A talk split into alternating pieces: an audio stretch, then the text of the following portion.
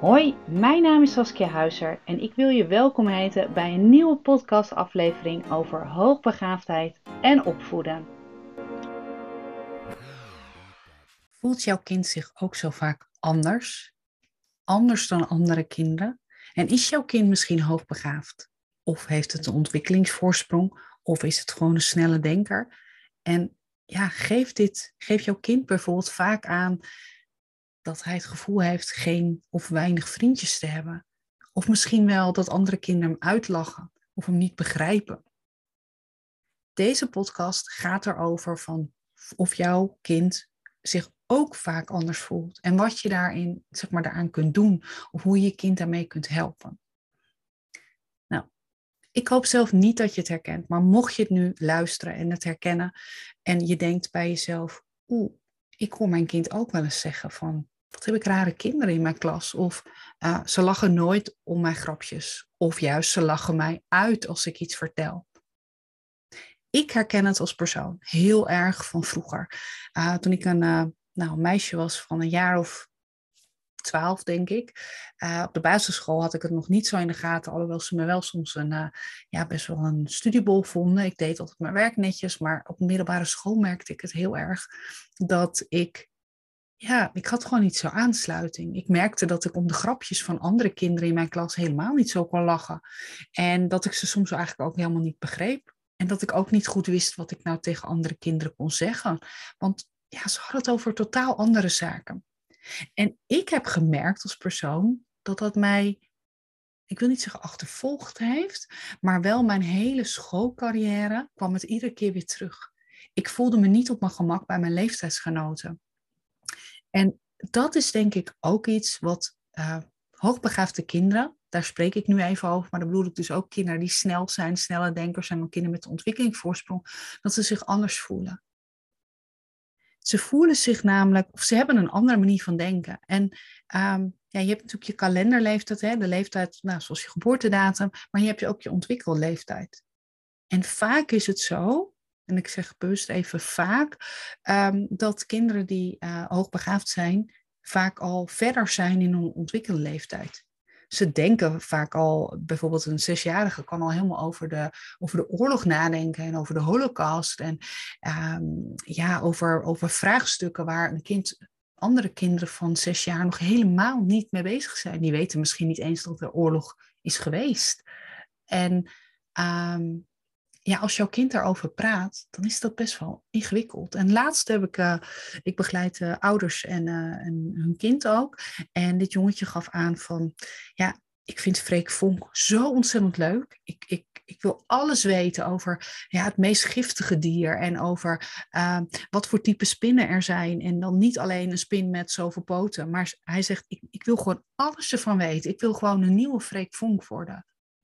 En ik wil dat zo graag delen met mijn klasgenoten. Maar mijn klasgenoten, en dan hebben we het echt over groep 4, die kijken me aan en die denken echt van, ja hallo, we hebben het over spinnen, maar we hebben het niet over vogelspinnen of over, nou, ik, ik ken de namen zelf niet allemaal, maar die, gaan, die kinderen interesseert het zeg maar niet om inhoudelijk in te gaan. En hij weet precies welke dino in welk tijdperk heeft geleefd. En die is in het Jura en die is in het Trias. Nou, noem maar op, hij weet het allemaal. En hij is daar ontzettend in geïnteresseerd. En wil daar heel graag over vertellen. Maar ja, hij zegt, klasgenootjes draaien hun hoofd weg. Lachen me soms een beetje uit. Praten over iets anders. En hij kon het mij heel goed vertellen om te zeggen, ja, ze stellen mij eigenlijk nooit vragen. En bij dit jongetje merkte ik dat hij er heel boos en verdrietig om was. Hij zei ook tegen zijn moeder en ook tegen mij: Ik heb eigenlijk helemaal geen vrienden. Niemand begrijpt me. Nou, dat raakt je als ouder, denk ik, heel erg. En ik ervaar dat ook wel eens bij mijn eigen zoon. Die zegt ook wel eens van mama, ze begrijpen me niet. Ze zullen nooit echt om mijn grapjes lachen. En dat raakt je als ouder heel diep, want je wil eigenlijk ook dat je kind gezien wordt en leuk gevonden wordt. En het, eigenlijk betekent het niet dat jouw kind niet leuk is, maar wel dat er een soort mismatch is. En dat je kind misschien minder ja, vriendjes of vriendinnetjes heeft. En wat doe je dan precies als je merkt dat dat bij je kind speelt? Want je kind kan zich namelijk aanpassen. En vooral meisjes zijn er heel erg goed in. Die passen zich het liefst aan aan nou ja, haar uh, groepsgenootjes. Alleen dat kost heel veel energie. En jongens denken van, ma, dan maar niet. Uh, toch voelt dat vaak intern in hun eigen lichaam heel anders. Maar meisjes denken, ja, ik doe wel gewoon ook wat zij willen, want blijkbaar hoort dat. Uh, meisjes kunnen zich natuurlijk altijd al heel goed aanpassen. Uh, althans, dat zie je heel erg bij hoogbegaafde kinderen terug. Ik wil niet daarmee aangeven dat, dat uh, vrouwen dat altijd kunnen. Maar ik bedoel echt daarmee dat meisjes ook makkelijker kunnen onderpresteren en zich dus ook aanpassen aan de groep. Dat is iets algemeens en dat zie je ook vaak terugkomen bij, nou ja, bij meisjes in totaal. Um, maar ga, um, ga hierover dus wel in gesprek met je kind. En um, want dan heeft je kind in ieder geval het gevoel ook dat er gehoord wordt naar hem of haar. En dat is fijn voor je zoon of dochter. Het kost namelijk zoveel energie om aan te passen. En dat zul je vooral merken bij meisjes, als je een dochter hebt, dat die, ja, dat die echt gewoon soms heel erg moe kunnen zijn. Bij jongens uitzicht dat vaak in gedrag dat als ze thuiskomen en dat ze dan heel recalcitrant kunnen zijn, heel druk, opstandig. Um, nou gewoon dat ze zich niet gehoord voelen en dat ze eigenlijk thuis wel nou ja, alle aandacht even op zich willen vestigen van joehoe, hier ben ik, kijk mij, kijk mij nou even naar mij. Ga hier dus wel, probeer hier in gesprek te gaan met je kind. En uh, probeer uh, dit in zoverre aan te geven dat eigenlijk wel ieder mens anders is. En dat is ook zo. En dat heeft niets te maken met hoogbegaafdheid, maar je hebt ook kinderen die Um, die misschien niet um, het intelligentieniveau van een hoogbegaafd persoon hebben, maar die wel een bepaalde fascinatie over iets hebben. Uh, over uh, bijvoorbeeld treinen of over uh, trekkers of over dinosaurussen of zo. En die hebben ook dan, nou ja, ik wil niet zeggen een mismatch, maar niet helemaal de feeling met klasgenoten of leeftijdsgenoten. En ieder kind heeft een talent. En of dat nou is dat je heel goed bent met, met met iets met hout, met houtbewerking, met schilderen, met piano spelen. Maakt niet uit, maar ieder kind heeft talenten. En dan zul je ook altijd zien dat andere kinderen dat, ze, dat het zich minder, ja, dat ze minder interesse hebben, misschien in jouw hobby's.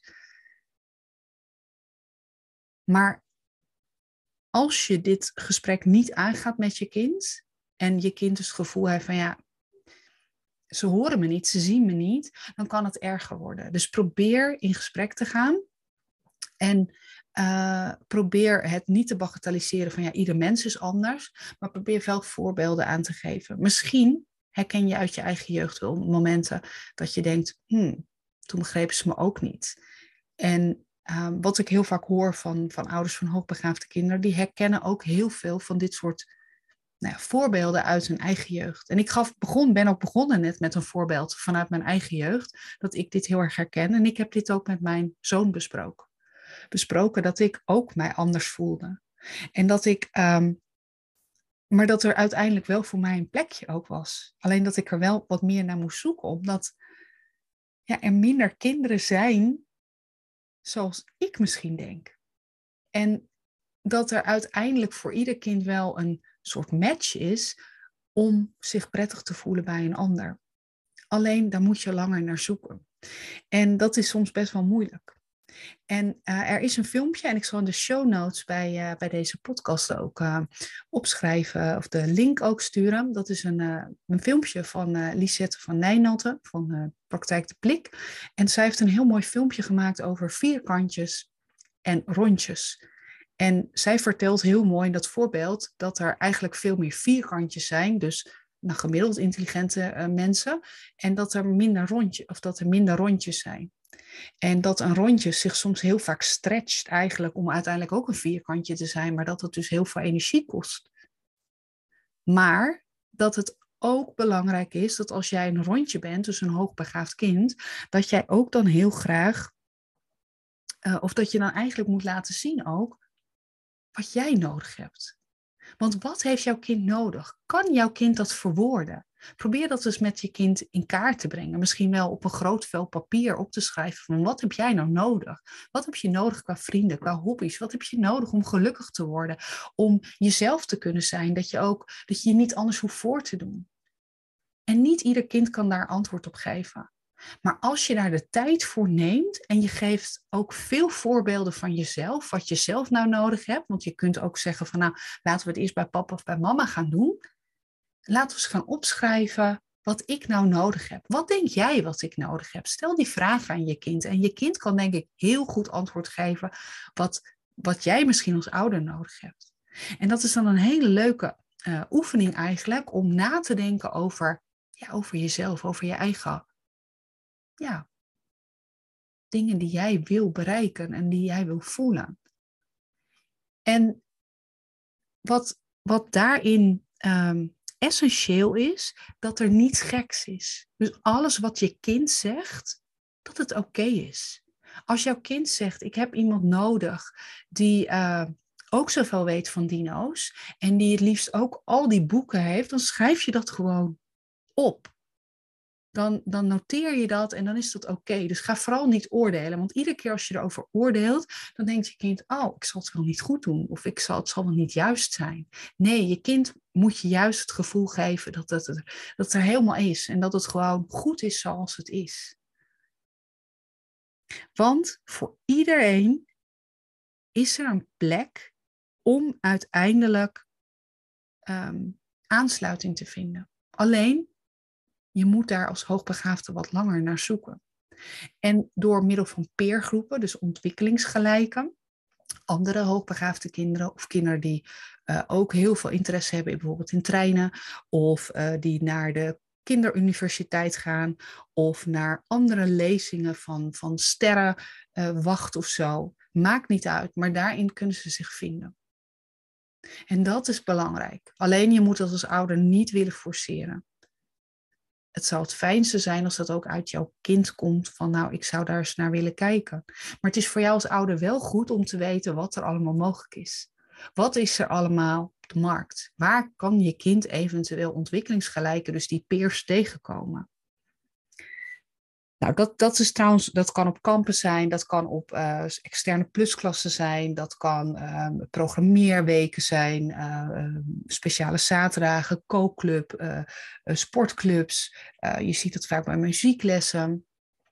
Daar kan jouw kind dat misschien vinden. En dan nog steeds is het niet zo dat alle kinderen bij jouw kind passen. En dat is denk ik ook goed om als voorbeeld te geven dat jij ook niet iedereen als vriend of vriendin hebt of wil.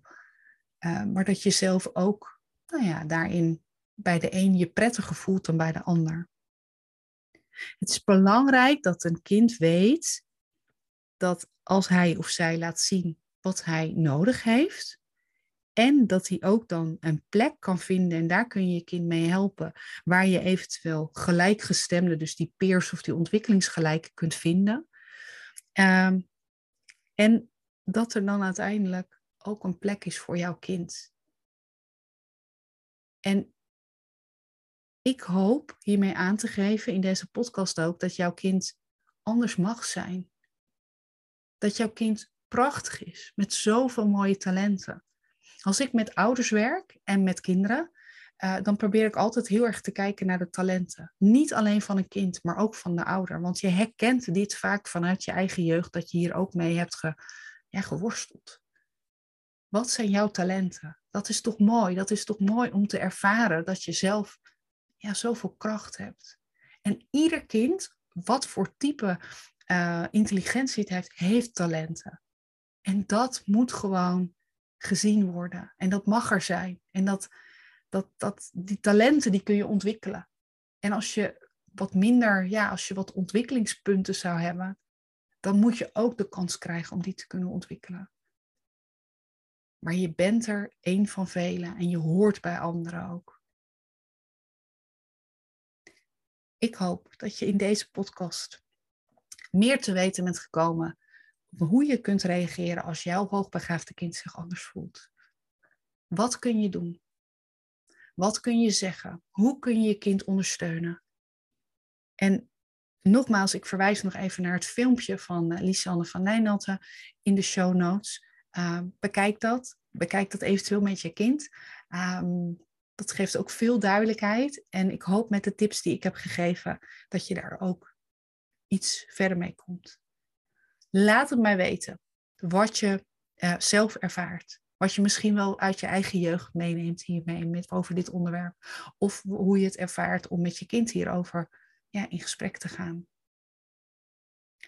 Mocht je een reactie willen geven, kan dat altijd via Instagram.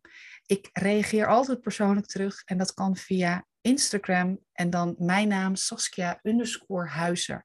Ik vind het ontzettend fijn om reacties te ontvangen. Maar ook als je vragen hebt, Saskia, wil je dat alsjeblieft een keer bespreken? Of ik loop tegen dit of dit aan. Laat me weten, dan kan ik dat gebruiken ook in een volgende podcast. Dankjewel voor het luisteren.